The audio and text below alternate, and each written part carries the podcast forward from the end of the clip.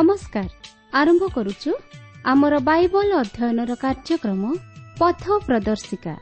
ପବିତ୍ର ବାଇବଲ କହେ ତୁମ୍ଭେ ସର୍ବାନ୍ତକରଣ ସହିତ ସଦାପ୍ରଭୁଙ୍କଠାରେ ବିଶ୍ୱାସ କର ଓ ନିଜ ସୁବିବେଚନାର ଆଉଜି ପଡ଼ ନାହିଁ। ଆପଣାର ସବୁ ଗତିରେ ତାହାଙ୍କୁ ସ୍ୱୀକାର କର। ତହିଁରେ ସେ ତୁମ୍ଭର ପଥ ସବୁ ସରଳ କରିବେ।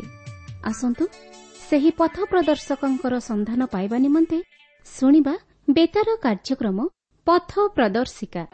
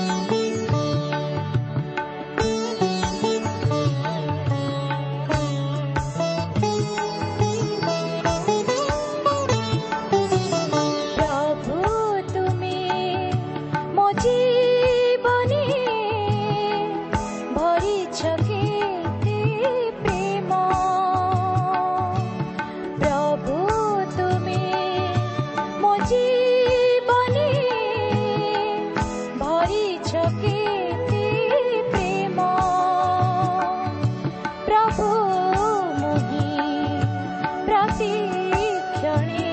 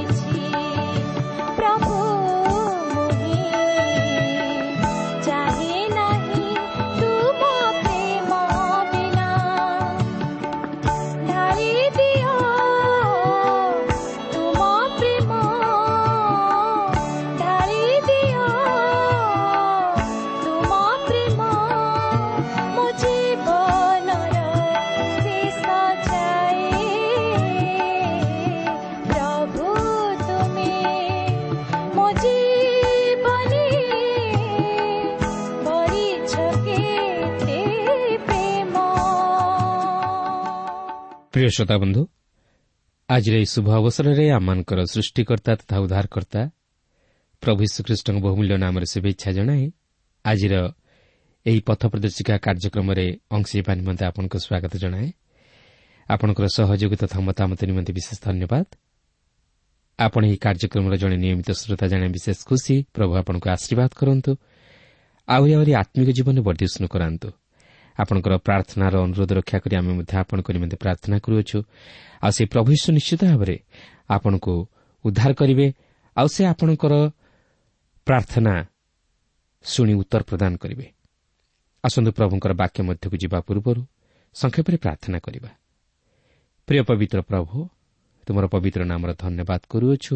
ଏହି ସୁନ୍ଦର ସମୟ ପାଇଁ ତୁମର ଜୀବନ୍ତ ବାକ୍ୟ ପାଇଁ। ହଁ ପ୍ରଭୁ ଜଗତର ସମସ୍ତ ବ୍ୟସ୍ତତା ମଧ୍ୟରୁ ତୁମେ ଆମମାନଙ୍କୁ କଢ଼ାଇ ଆଣିଅଛ।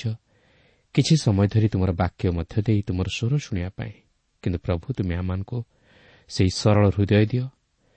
ଏକାଗ୍ରତାର ହୃଦୟ ଦିଅ ଯେପରି ଆମମାନେ ତୁମର ବାକ୍ୟକୁ ଶୁଣିବା ସଙ୍ଗେ ସଙ୍ଗେ ସେ ବାକ୍ୟରେ ବିଶ୍ୱାସ କରି ଯେପରି ତଦନୁଯାୟୀ କାର୍ଯ୍ୟ କରିବାକୁ ପାରିବୁ ଏହି ପ୍ରକାର ଅନୁଗ୍ରହ ପ୍ରଭୁ ତୁମେ ଆମ ପ୍ରତ୍ୟେକଙ୍କୁ ଦାନ କର।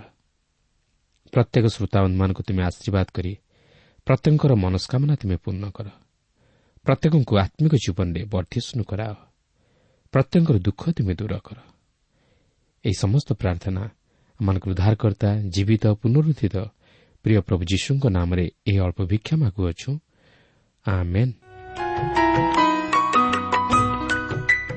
ଆସନ୍ତୁ ବର୍ତ୍ତମାନ ଆମେ ପ୍ରଭୁଙ୍କର ବାକ୍ୟ ମଧ୍ୟକୁ ଯିବା। ଆଜି ଆମେ ନୂତନ ନିୟମରୁ ରୋମିଓ ପୁସ୍ତକ ସାତ ପର୍ବର ପ୍ରଥମ ପଦରୁ ଛଅ ପଦ ପର୍ଯ୍ୟନ୍ତ ଅଧ୍ୟୟନ କରିବା ନିମନ୍ତେ ଯିବା। ମୋର ଅନୁରୋଧ ଯଦି ଆପଣଙ୍କ ନିକଟରେ ନୂତନ ନିୟମ ଅଥବା ପବିତ୍ର ବାଇବଲ ଅଛି ତାହେଲେ ମୋ ସହିତ ଖୋଲନ୍ତୁ ଓ ଅଧ୍ୟୟନ କରନ୍ତୁ। ଯଦି ନାହିଁ ତାହେଲେ ମନୋଯୋଗର ସହିତ ଶୁଣନ୍ତୁ। ତାହେଲେ ଆପଣ ଈଶ୍ୱରଙ୍କ ବାକ୍ୟ ମଧ୍ୟରୁ ଅନେକ ନିଗୁଢ଼ ବିଷୟମାନ ଶିକ୍ଷା କରିବାକୁ ପାରିବେ ଓ ଆତ୍ମିକ ଜୀବନରେ ବର୍ଦ୍ଧିଷ୍ଣୁ ହୋଇପାରିବେ। ତେବେ ଏହି ରୋମିଓ ସାତ ପର୍ବର ମୁଖ୍ୟ ପ୍ରସଙ୍ଗ ହେଉଛି ଶକ୍ତିହୀନ ପବିତ୍ରୀକରଣ। ଆପଣଙ୍କର ମନେଥିବ ଏଥିପୂର୍ବରୁ ଆମେ ରୋମିଓ ପାଞ୍ଚ ପର୍ବର ଶେଷାଂଶରେ ଏକ ଫଳପ୍ରଦ ପବିତ୍ରୀକରଣ ବିଷୟ ନେଇ ଆଲୋଚନା କରିଥିଲୁ ଯାହାକି ଜଣେ ଖ୍ରୀଷ୍ଟ ବିଶ୍ୱାସୀ ଖ୍ରୀଷ୍ଟଙ୍କଠାରେ ବିଶ୍ୱାସ କରିବା ଦ୍ୱାରା ହିଁ ତାହା ପ୍ରାପ୍ତ ହୋଇଥାଏ।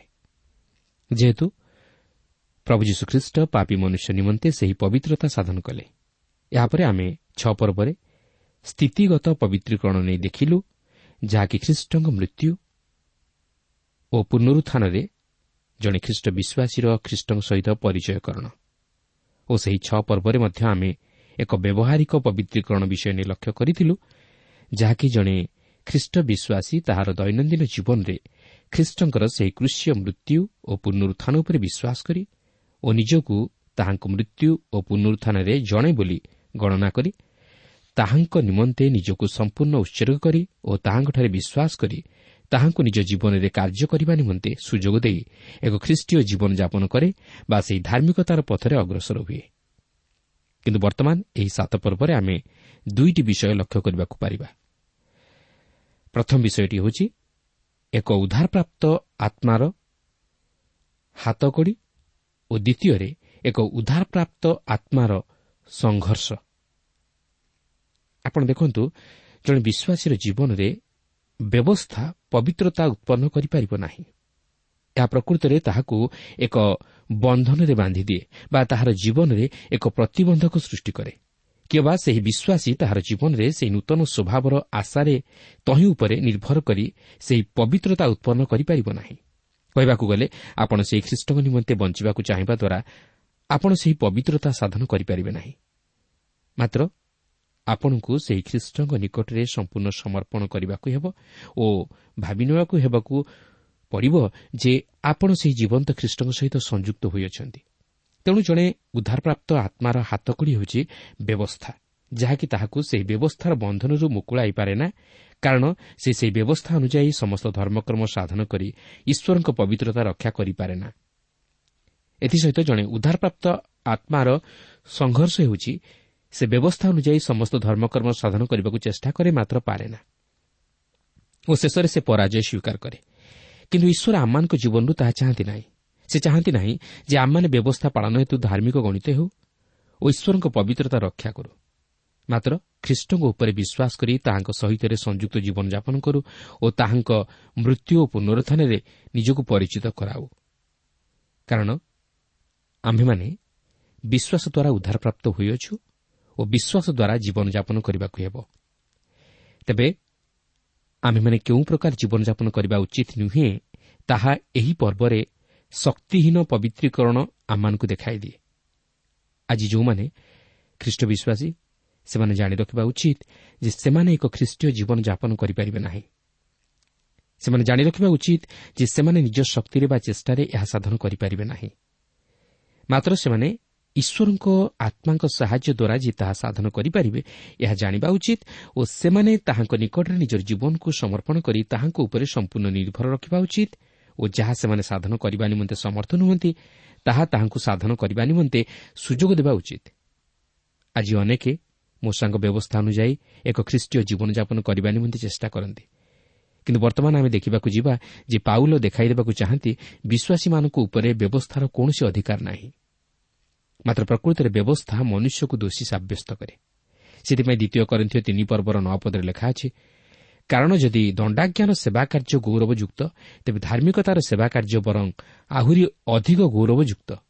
ଯେଣୁ ଯାହା ଗୌରବଯୁକ୍ତ ହୋଇଥିଲା ତାହା ସେଥିରୁ ଅତି ଅଧିକ ଗୌରବଯୁକ୍ତ ବିଷୟର ତୁଳନାରେ ଗୌରବବିହୀନ ହୋଇଅଛି।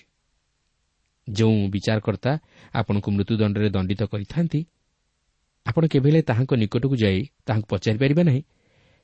ଆପଣ କିପରି ବଞ୍ଚିବାକୁ ଯାଉଅଛନ୍ତି? ବର୍ତ୍ତମାନ ଆମେ ଏହି ରୋମିଓ ସାତ ପର୍ବର ପ୍ରଥମ ଭାଗରେ ଏକ ଉଦ୍ଧାରପ୍ରାପ୍ତ ଆତ୍ମାର ହାତକୋଡ଼ି କ'ଣ ସେହି ସମ୍ପର୍କରେ କିଛି ଆଲୋଚନା କରିବାକୁ ଯିବା। ଦେଖନ୍ତୁ ସାତ ପର୍ବର ପ୍ରଥମ ପଦରେ ଏହିପରି ଲେଖା ଅଛି। ହେ ଭାଇମାନେ ମନୁଷ୍ୟ ଯେପର୍ଯ୍ୟନ୍ତ ଜୀବିତ ଥାଏ ସେ ପର୍ଯ୍ୟନ୍ତ ବ୍ୟବସ୍ଥା ଯେ ତାହାର ଉପରେ କର୍ତ୍ତୃତ୍ୱ କରେ ଏହା ତୁମେମାନେ କ'ଣ ଜାଣ ନାହିଁ ମୁଁ ତ ବ୍ୟବସ୍ଥା ଜାଣିବା ଲୋକମାନଙ୍କୁ କହୁଅଛି। ଦେଖନ୍ତୁ ପାଉଲ ଏଠାରେ ବ୍ୟବସ୍ଥା ଜାଣିବା ଲୋକମାନଙ୍କୁ କହନ୍ତି ଏହା ତୁମେମାନେ କ'ଣ ଜାଣ ନାହିଁ? ତେବେ ଏହି ଉକ୍ତି ଆମମାନେ ପାଉଲଙ୍କର ଲେଖନୀରେ ବାରମ୍ବାର ପ୍ରକାଶ ପାଇବାର ଲକ୍ଷ୍ୟ କରିବାକୁ ପାରିବା। ଯଦି ଆମେ ଏହାକୁ ସକାରାତ୍ମକ ଭାବେ ଉପସ୍ଥାପିତ କରିବା ତାହେଲେ ଏହା ଏହି ପ୍ରକାର ଅର୍ଥ ବୁଝାଏ ତୁମେମାନେ କ'ଣ ଏତେ ଅଜ୍ଞ? ଯେତେବେଳେ ପ୍ରେରିତ ପାଉଲ କହନ୍ତି ଯେ ତୁମେମାନେ କ'ଣ ଜାଣ ନାହିଁ? ଆପଣ ଜାଣି ରଖିବା ଉଚିତ ଯେ ଭାଇମାନେ ତାହା ଜାଣିନଥିଲେ ଏହାପରେ ପାଉଲ କହନ୍ତି ମୁଁ ତ ବ୍ୟବସ୍ଥା ଜାଣିବା ଲୋକମାନଙ୍କୁ କହୁଅଛି। ଆପଣ ଜାଣିଥିବେ ସେହି ପାଲେଷ୍ଟାଇନ୍ ଦେଶରେ ଏହି ବ୍ୟବସ୍ଥା ଈଶ୍ୱରଙ୍କୁ ଲୋକମାନଙ୍କ ପ୍ରତି ହଜାର ହଜାର ବର୍ଷର ପରୀକ୍ଷା ସ୍ୱରୂପ ଥିଲା ଯାହାକୁ ପାଳନ କରିବାରେ ସେହି ଦେଶ ସେମାନଙ୍କ ପ୍ରତି ମଙ୍ଗଳଜନକ ହେବାକୁ ଥିଲା।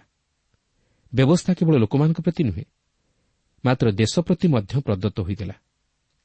ମାତ୍ର ଇସ୍ରାଏଲ୍ ସନ୍ତାନଗଣ ବ୍ୟବସ୍ଥା ପାଳନ କରିବାରେ ବିଫଳ ହେଲେ। ଆପଣଙ୍କର ମନେଥିବ ସେହି ପ୍ରେରିତ ପୁସ୍ତକର ସାତ ପର୍ବର ତେପନ ପଦରେ ଏହି ବ୍ୟବସ୍ଥା ପାଳନ କରିବାରେ ବିଫଳତାକୁ ଲକ୍ଷ୍ୟ କରି ସ୍ଥିଫାନ୍ ଏହିପରି ପ୍ରକାଶ କରିଥିଲେ। ଆପଣମାନେ ଦୂତମାନଙ୍କ ଦ୍ୱାରା ଆଦିଷ୍ଟ ବ୍ୟବସ୍ଥା ପାଇଥିଲେ କିନ୍ତୁ ତାହା ପାଳନ କଲେ ନାହିଁ। ଏପରିକି ପିତର ମଧ୍ୟ ଏହି ବିଷୟକୁ ଭିତ୍ତି କରି ଏହି ବ୍ୟବସ୍ଥାକୁ ଏକ ଜୁଆଳି ବୋଲି ପ୍ରକାଶ କରନ୍ତି ଯାହାକି ପ୍ରେରିତ ପନ୍ଦର ପର୍ବର ଦଶ ପଦରେ ଲେଖା ଅଛି। ଏଣୁ ଯେଉଁ ଜୁଆଳି ତୁମାନଙ୍କ ପିତୃପୁରୁଷ ଓ ଆମ୍ଭେମାନେ ବହିବାକୁ ଅକ୍ଷମ ହେଲୁ ସେହି ଜୁଆଳି ଶିଷ୍ୟମାନଙ୍କ କାନ୍ଧରେ ଦେଇ କାହିଁକି ଆପଣମାନେ ଈଶ୍ୱରଙ୍କୁ ପରୀକ୍ଷା କରୁଅଛନ୍ତି? ବର୍ତ୍ତମାନ ଏହି ବ୍ୟବସ୍ଥାକୁ ଭିତ୍ତି କରି ପ୍ରେରିତ ପାଉଲ ଏକ ଦୃଷ୍ଟାନ୍ତ ମାଧ୍ୟମରେ ବୁଝାଇବାକୁ ଯାଉଅଛନ୍ତି ଯାହାକି ଏକ ମହାନ ତଥା ଗୁରୁତ୍ୱପୂର୍ଣ୍ଣ ବିଷୟକୁ ଉପସ୍ଥାପିତ କରେ। ଏହି ଦୃଷ୍ଟାନ୍ତ ମାଧ୍ୟମରେ ପାଉଲ ବିବାହ ବା ଛାଡ଼ପତ୍ରକୁ ଉପସ୍ଥାପିତ କରନ୍ତି ନାହିଁ ମାତ୍ର ଏକ ସୁପ୍ରତିଷ୍ଠିତ ବ୍ୟବସ୍ଥାକୁ ଉପସ୍ଥାପିତ କରନ୍ତି ଯାହାକି ଜଣେ ସ୍ୱାମୀ ଓ ସ୍ତ୍ରୀ ମଧ୍ୟରେ ପ୍ରତିଷ୍ଠିତ ବ୍ୟବସ୍ଥା। ଏହି ବ୍ୟବସ୍ଥା ପ୍ରକାଶ କରେ ଯେ ଯେପର୍ଯ୍ୟନ୍ତ ସ୍ୱାମୀ ଜୀବିତ ଥାଏ ସେ ପର୍ଯ୍ୟନ୍ତ ସ୍ତ୍ରୀ ତାହା ସହିତ ବ୍ୟବସ୍ଥାରେ ଆବଦ୍ଧ ଥାଏ। ମାତ୍ର ସ୍ୱାମୀ ମରିଗଲେ ସ୍ତ୍ରୀ ସେହି ବ୍ୟବସ୍ଥାରୁ ମୁକ୍ତ ହୋଇଥାଏ। ଦେଖନ୍ତୁ ସାତ ପର୍ବର ଦୁଇ ପଦରେ ଲେଖା ଅଛି। ସ୍ୱାମୀ ଯେପର୍ଯ୍ୟନ୍ତ ଜୀବିତ ଥାଏ ସେ ପର୍ଯ୍ୟନ୍ତ ସ୍ତ୍ରୀ ସ୍ୱାମୀ ସହିତ ବ୍ୟବସ୍ଥା ଦ୍ୱାରା ଆବଦ୍ଧ ଥାଏ। କିନ୍ତୁ ସ୍ୱାମୀ ମରିଗଲେ ସ୍ତ୍ରୀ ସ୍ୱାମୀର ବ୍ୟବସ୍ଥାରୁ ମୁକ୍ତ ହୁଏ। ଦେଖନ୍ତୁ ଜଣେ ସ୍ତ୍ରୀ ତାହାର ସ୍ୱାମୀର ଅଧୀନରେ ଥାଏ ଯେପର୍ଯ୍ୟନ୍ତ ତାହାର ସ୍ୱାମୀ ଜୀବିତ ରହିଥାଏ। ମାତ୍ର ଯେତେବେଳେ ତାହାର ସ୍ୱାମୀ ମରିଯାଏ ସେତେବେଳେ ସେ ସମ୍ପୂର୍ଣ୍ଣ ତାହାର ସ୍ୱାମୀର ବ୍ୟବସ୍ଥାରୁ ମୁକ୍ତ ହୁଏ। ଅନ୍ୟ ଅର୍ଥରେ କହିବାକୁ ଗଲେ ଯଦି ତାହାର ସ୍ୱାମୀ ମୃତ ତାହେଲେ ସେ ତାହାର ଆଉ ବିବାହିତ ସ୍ତ୍ରୀ ହୋଇ ରହେ ନାହିଁ। ସେ ତାହାର ସ୍ୱାମୀର ବ୍ୟବସ୍ଥାରୁ ମୁକ୍ତ। ସାତ ପର୍ବର ତିନି ପଦରେ ଲେଖା ଅଛି ଅତେବ ସ୍ୱାମୀ ବଞ୍ଚିଥାଉ ଥାଉ ସ୍ତ୍ରୀ ଯଦି ଅନ୍ୟ ପୁରୁଷ ସହିତ ସଂଯୁକ୍ତ ହୁଏ ତାହେଲେ ତାକୁ ବ୍ୟଭିଚାଣୀ ବୋଲି କୁହାଯିବ। କିନ୍ତୁ ଯଦି ସ୍ୱାମୀ ମରିଯାଏ ତେବେ ସ୍ତ୍ରୀ ବ୍ୟବସ୍ଥାରୁ ମୁକ୍ତ ହୁଏ ଆଉ ଯଦି ସେ ଅନ୍ୟ ପୁରୁଷ ସହିତ ସଂଯୁକ୍ତ ହୁଏ ତାହେଲେ ସେ ବ୍ୟଭିଚାଣୀ ହୁଏ ନାହିଁ। ତେବେ ଅନେକ ଏହି ଅଂଶଟିକୁ ଭୁଲ ବୁଝନ୍ତି। ସେମାନେ ଏହାର ବିକୃତ ଅର୍ଥ କରି ପୁନର୍ବିବାହ ଓ ଛାଡ଼ପତ୍ର ନେଇ ପ୍ରତିବାଦ କରନ୍ତି। କିନ୍ତୁ ଦେଖିବାକୁ ଗଲେ ବର୍ତ୍ତମାନ ସମାଜରେ ଆମେ କୌଣସି ସ୍ତ୍ରୀ ବା ପୁରୁଷକୁ ବ୍ୟଭିଚାର ଦୋଷରେ ତାହାକୁ ପଥର ପକାଇ ମାରୁନା କି ମୂଷାଙ୍କର ବ୍ୟବସ୍ଥାକୁ କାର୍ଯ୍ୟକାରୀ କରୁନା। କିନ୍ତୁ ଏଠାରେ ପାଉଲ ପୁନର୍ବିବାହ ବା ଛାଡ଼ପତ୍ର ଦେବା ନେଇ ଗୁରୁତ୍ୱାରୋପ କରନ୍ତି ନାହିଁ କିମ୍ବା ନୀତି ନିୟମ ପ୍ରଦାନ କରନ୍ତି ନାହିଁ। କିନ୍ତୁ ପାଉଲ ଏଠାରେ ଏହି ଦୃଷ୍ଟାନ୍ତ ମାଧ୍ୟମରେ ବ୍ୟବସ୍ଥାର କାର୍ଯ୍ୟକାରିତା ବିଷୟ ନେଇ ପ୍ରକାଶ କରନ୍ତି। ପାଉଲ କହିବାକୁ ଚାହାନ୍ତି ଯେ ଯେତେବେଳେ ଜଣେ ସ୍ତ୍ରୀର ସ୍ୱାମୀ ମରିଯାଏ ସେତେବେଳେ ସେ ଆଉ ତାହାର ସ୍ତ୍ରୀ ହୋଇ ରୁହେ ନାହିଁ। ସେ ପୁନର୍ବାର ଏକ ନାରୀରେ ପରିଣତ ହୁଏ। ସେ ସ୍ୱାମୀର ବ୍ୟବସ୍ଥାରୁ ମୁକ୍ତ ହୁଏ। ସେ ଆଉ ପରାଧୀନ ହୋଇ ରୁହେ ନାହିଁ ମାତ୍ର ସ୍ୱାଧୀନ ହୁଏ। ପାଉଲ ସ୍ୱାମୀ ଓ ସ୍ତ୍ରୀ ମଧ୍ୟରେ ଥିବା ସେହି ବ୍ୟବସ୍ଥା ସମ୍ବନ୍ଧୀୟ ବିଷୟକୁ ଏଠାରେ ଅଧିକ ରୂପେ ଉପସ୍ଥାପିତ କରିବାକୁ ଯାଇ ସ୍ୱାମୀ ଜୀବିତ ଥିବା ସମୟରେ ସ୍ତ୍ରୀର ସ୍ଥିତି ଓ ପୁନର୍ବାର ସ୍ୱାମୀ ମୃତ ହେବା ପରେ ସ୍ତ୍ରୀର ସ୍ଥିତିକୁ ଉପସ୍ଥାପିତ କରନ୍ତି। କିନ୍ତୁ ପାଉଲ ଏଠାରେ ଏହି ଦୃଷ୍ଟାନ୍ତଟିକୁ ଉପସ୍ଥାପିତ କରିବାର କାରଣ ହେଉଛି ବ୍ୟବସ୍ଥାଧୀନ ଓ ବ୍ୟବସ୍ଥା ବିହୀନ ମଧ୍ୟରେ ଥିବା ପାର୍ଥକ୍ୟତାକୁ ଦର୍ଶାଇବାକୁ ଚାହାନ୍ତି।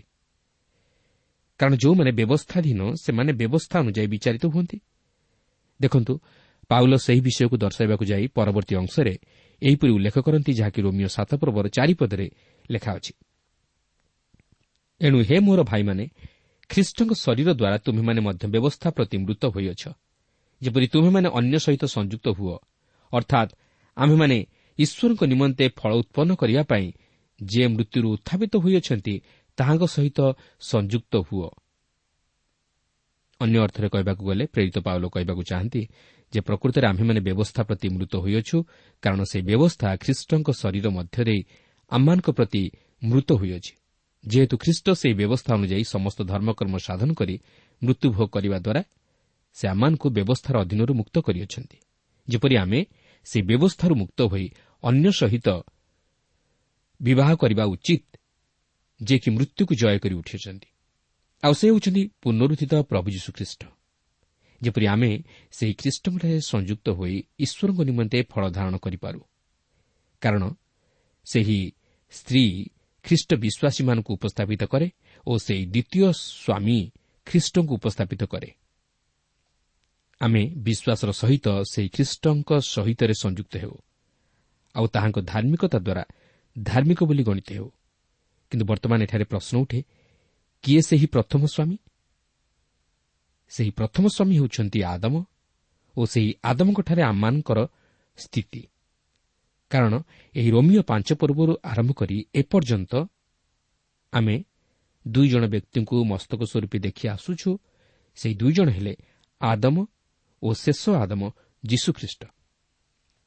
ଏମାନେ ହେଲେ ପ୍ରଥମ ଆଦମ ଓ ଶେଷ ଆଦମ। ଆମେ ଆମର ପୁରାତନ ସ୍ୱଭାବ ନେଇ ସେହି ଆଦମଙ୍କ ଦ୍ୱାରା ସଂଯୁକ୍ତ।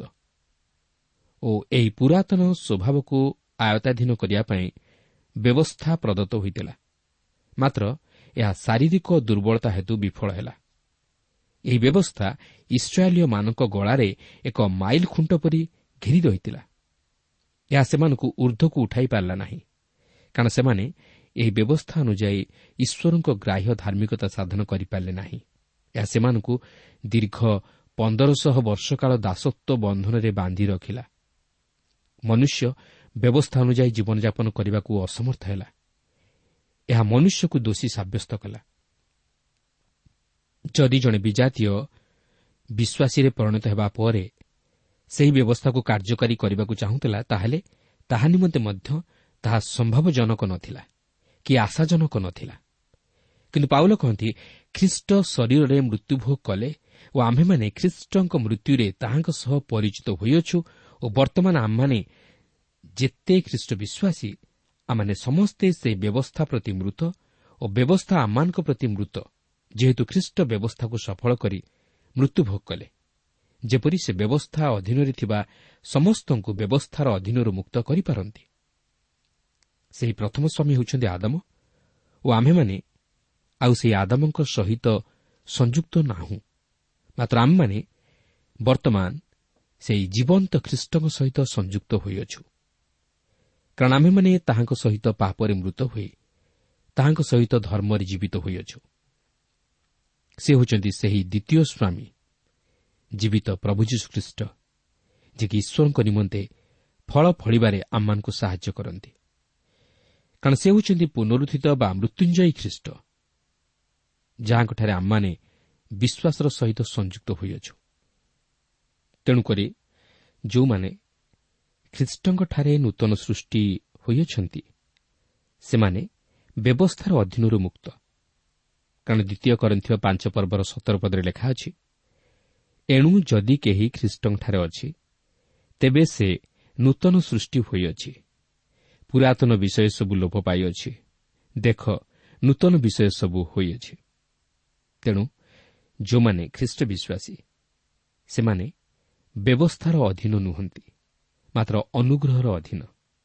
ସେମାନେ ଆଉ ବ୍ୟବସ୍ଥାର ଅଧୀନ ନୁହନ୍ତି ମାତ୍ର ଖ୍ରୀଷ୍ଟଙ୍କର ଅଧୀନ। ଏହାପରେ ସାତ ପର୍ବର ପାଞ୍ଚ ପଦରୁ ଛଅ ପଦରେ ଲେଖା ଅଛି କାରଣ ଯେତେବେଳେ ଆମ୍ଭେମାନେ ଶରୀରର ବସରେ ଥିଲୁ ସେତେବେଳେ ବ୍ୟବସ୍ଥା ଦ୍ୱାରା ପାପାଭିଳାଷ ଗୁଡ଼ାକ ଆମମାନଙ୍କ ଅଙ୍ଗ ପ୍ରତ୍ୟଙ୍ଗ ମଧ୍ୟରେ ମୃତ୍ୟୁ ନିମନ୍ତେ ଫଳ ଉତ୍ପନ୍ନ କରିବାକୁ କାର୍ଯ୍ୟ ସାଧନ କରୁଥିଲା। କିନ୍ତୁ ଯଦ୍ୱାରା ଆମ୍ଭେମାନେ ଆବଦ୍ଧ ଥିଲୁ ସେଥିପ୍ରତି ମୃତ ହୋଇ ଆମ୍ଭେମାନେ ଏବେ ବ୍ୟବସ୍ଥାରୁ ମୁକ୍ତ ହୋଇଅଛୁ। ଏଣୁ ଆମ୍ଭେମାନେ ଆକ୍ଷରିକ ପୁରାତନ ଭାବରେ ଦାସ୍ୟକର୍ମ ନ କରି ଆତ୍ମାର ନୂତନ ଭାବରେ ଦାସ୍ୟକର୍ମ କରୁଅଛୁ ପ୍ରିୟ ବନ୍ଧୁ ପାଉଲ ଏଠାରେ ଏହିପରି ପ୍ରକାଶ କରିବାର ଅର୍ଥ ସେ ଜଣାଇ ଦେବାକୁ ଚାହାନ୍ତି ଯେ ଆମେ ନିଜ ଶକ୍ତି ବା ଚେଷ୍ଟାରେ ବ୍ୟବସ୍ଥାକୁ ସଫଳ କରିପାରିବା ନାହିଁ। ବରଂ ଆମେ ବ୍ୟବସ୍ଥା ଅନୁଯାୟୀ ଦୋଷୀ ବୋଲି ଗଣିତ ହେଉ। ଓ ମୃତ୍ୟୁ ନିମନ୍ତେ ଫଳ ଉତ୍ପନ୍ନ କରୁ। ଆମମାନଙ୍କର ସେହି ପୁରାତନ ସ୍ୱଭାବକୁ ଆୟତ୍ତାଧୀନ କରିବା ପାଇଁ ବ୍ୟବସ୍ଥା ପ୍ରଦତ୍ତ ହୋଇଥିଲା। ମାତ୍ର ତାହା ଫଳପ୍ରଦ ହେଲା ନାହିଁ। ମନୁଷ୍ୟ ବ୍ୟବସ୍ଥାକୁ ସଫଳ କରିପାରିଲା ନାହିଁ।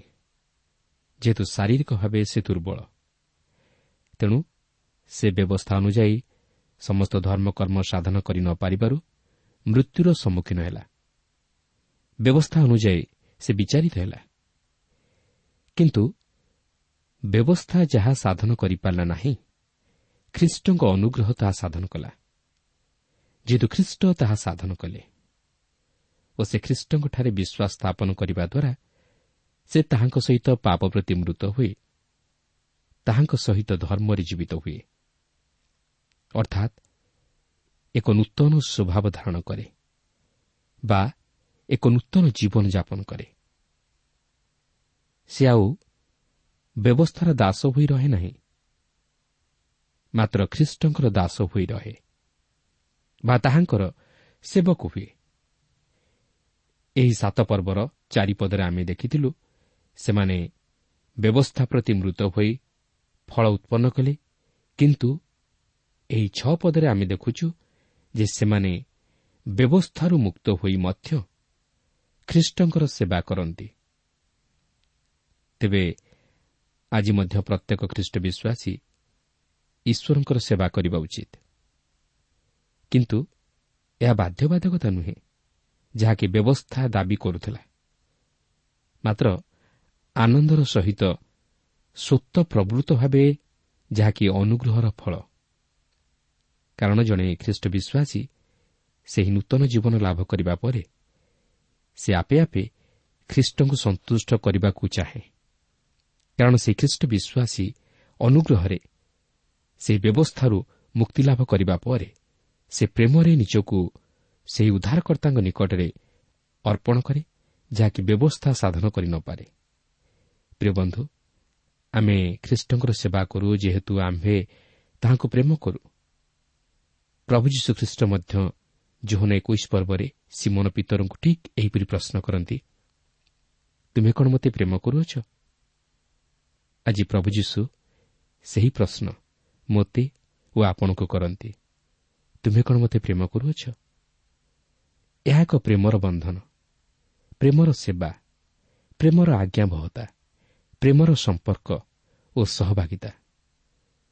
ପ୍ରିୟ ବନ୍ଧୁ ଖ୍ରୀଷ୍ଟୀୟ ଜୀବନ ହେଉଛି ଖ୍ରୀଷ୍ଟ କୈନ୍ଦ୍ରିକ ଜୀବନ। ଖ୍ରୀଷ୍ଟ ଆମମାନଙ୍କ ମଧ୍ୟ ଦେଇ ତାହାଙ୍କର କାର୍ଯ୍ୟ ସାଧନ କରନ୍ତି। ଆମେ କେବେ ହେଲେ ନିଜ ଶକ୍ତିରେ ତାହା ସାଧନ କରିବା ନିମନ୍ତେ ବା ଏକ ବାସ୍ତବ ଖ୍ରୀଷ୍ଟୀୟ ଜୀବନଯାପନ କରିବା ନିମନ୍ତେ ସମର୍ଥ ହୋଇପାରିବା ନାହିଁ। କିମ୍ବା ଆମେମାନେ ବ୍ୟବସ୍ଥା ପାଳନ କରିବା ଦ୍ୱାରା ତାହା ସାଧନ କରିପାରିବା ନାହିଁ। କେବଳ ଖ୍ରୀଷ୍ଟ ହିଁ ଆମ ଜୀବନରେ ତାହା ସାଧନ କରିପାରିବେ। ମାତ୍ର ବ୍ୟବସ୍ଥାରେ କୌଣସି ଭୁଲ ନାହିଁ। ବା ବ୍ୟବସ୍ଥା ମୂଲ୍ୟହୀନ ନୁହେଁ। ମାତ୍ର ତ୍ରୁଟି ହେଉଛି ଆମମାନଙ୍କର ତେଣୁ ଆସୁ। ନିଜର ଦୋଷ ଦୁର୍ବଳତାକୁ ସମୀକ୍ଷା କରି ସେହି ଖ୍ରୀଷ୍ଟଙ୍କଠାରେ ସ୍ୱୀକାର କରି ତାହାଙ୍କ ସହିତ ସଂଯୁକ୍ତ ହୋଇ ଏକ ନୂତନ ଜୀବନର ନୂତନ ସ୍ୱାଦ ଆନନ୍ଦ ଶାନ୍ତି ଓ ପରିତୃପ୍ତିକୁ ଉପଲବ୍ଧି କରୁ। ପ୍ରିୟ ବନ୍ଧୁ ପ୍ରଭୁ ଆଜି ଆପଣଙ୍କୁ ମୋତେ ତାହାଙ୍କର ବାକ୍ୟ ମଧ୍ୟ ଦେଇ ଏହି କଥା କହନ୍ତି।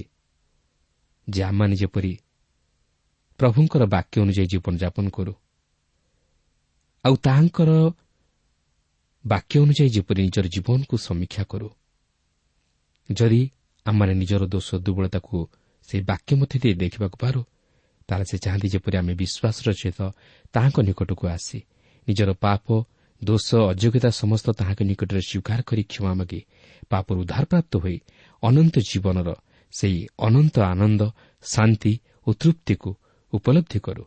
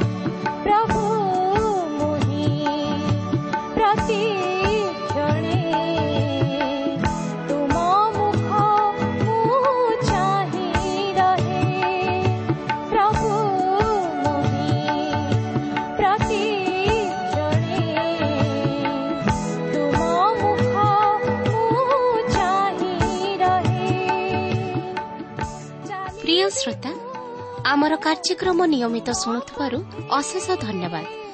ଆପଣ ଏହି କାର୍ଯ୍ୟକ୍ରମ ଶୁଣିବା ଦ୍ୱାରା ଆତ୍ମିକ ଜୀବନରେ ଉପକୃତ ହୋଇପାରିଥିବେ ବୋଲି ଆମର ବିଶ୍ୱାସ। ପ୍ରଭୁ ଯୀଶୁଙ୍କ ବିଷୟରେ ଅଧିକ ଜାଣିବାର ଆଗ୍ରହ ଥିଲେ ଅଥବା ଉପାଦେୟ ପୁସ୍ତକର ଆବଶ୍ୟକ ଥିଲେ ଆମ ସହ ଯୋଗାଯୋଗ କରନ୍ତୁ। ଆମର ଠିକଣା ପଥ ପ୍ରଦର୍ଶିକା Trans World Radio India post box number ତିନି ତିନି ଭୁବନେଶ୍ୱର ସାତ ପାଞ୍ଚ ଏକ ଶୂନ ଶୂନ ଏକ। Mobile number nine seven double seven double two one four one five ଠିକଣାଟି ଆଉଥରେ ଶୁଣନ୍ତୁ। ପଥ ପ୍ରଦର୍ଶିକା Trans World radio India post box number three three Bhubaneswar seven five one zero zero one mobile number nine seven double seven double two one four one five ଆମର email ଆଡ୍ରେସଟି ଲେଖି ରଖନ୍ତୁ। Odia TTV at radio eight eight two dot com ତେବେ ଆଜି ପାଇଁ ବିଦାୟ ଦିଅନ୍ତୁ ନମସ୍କାର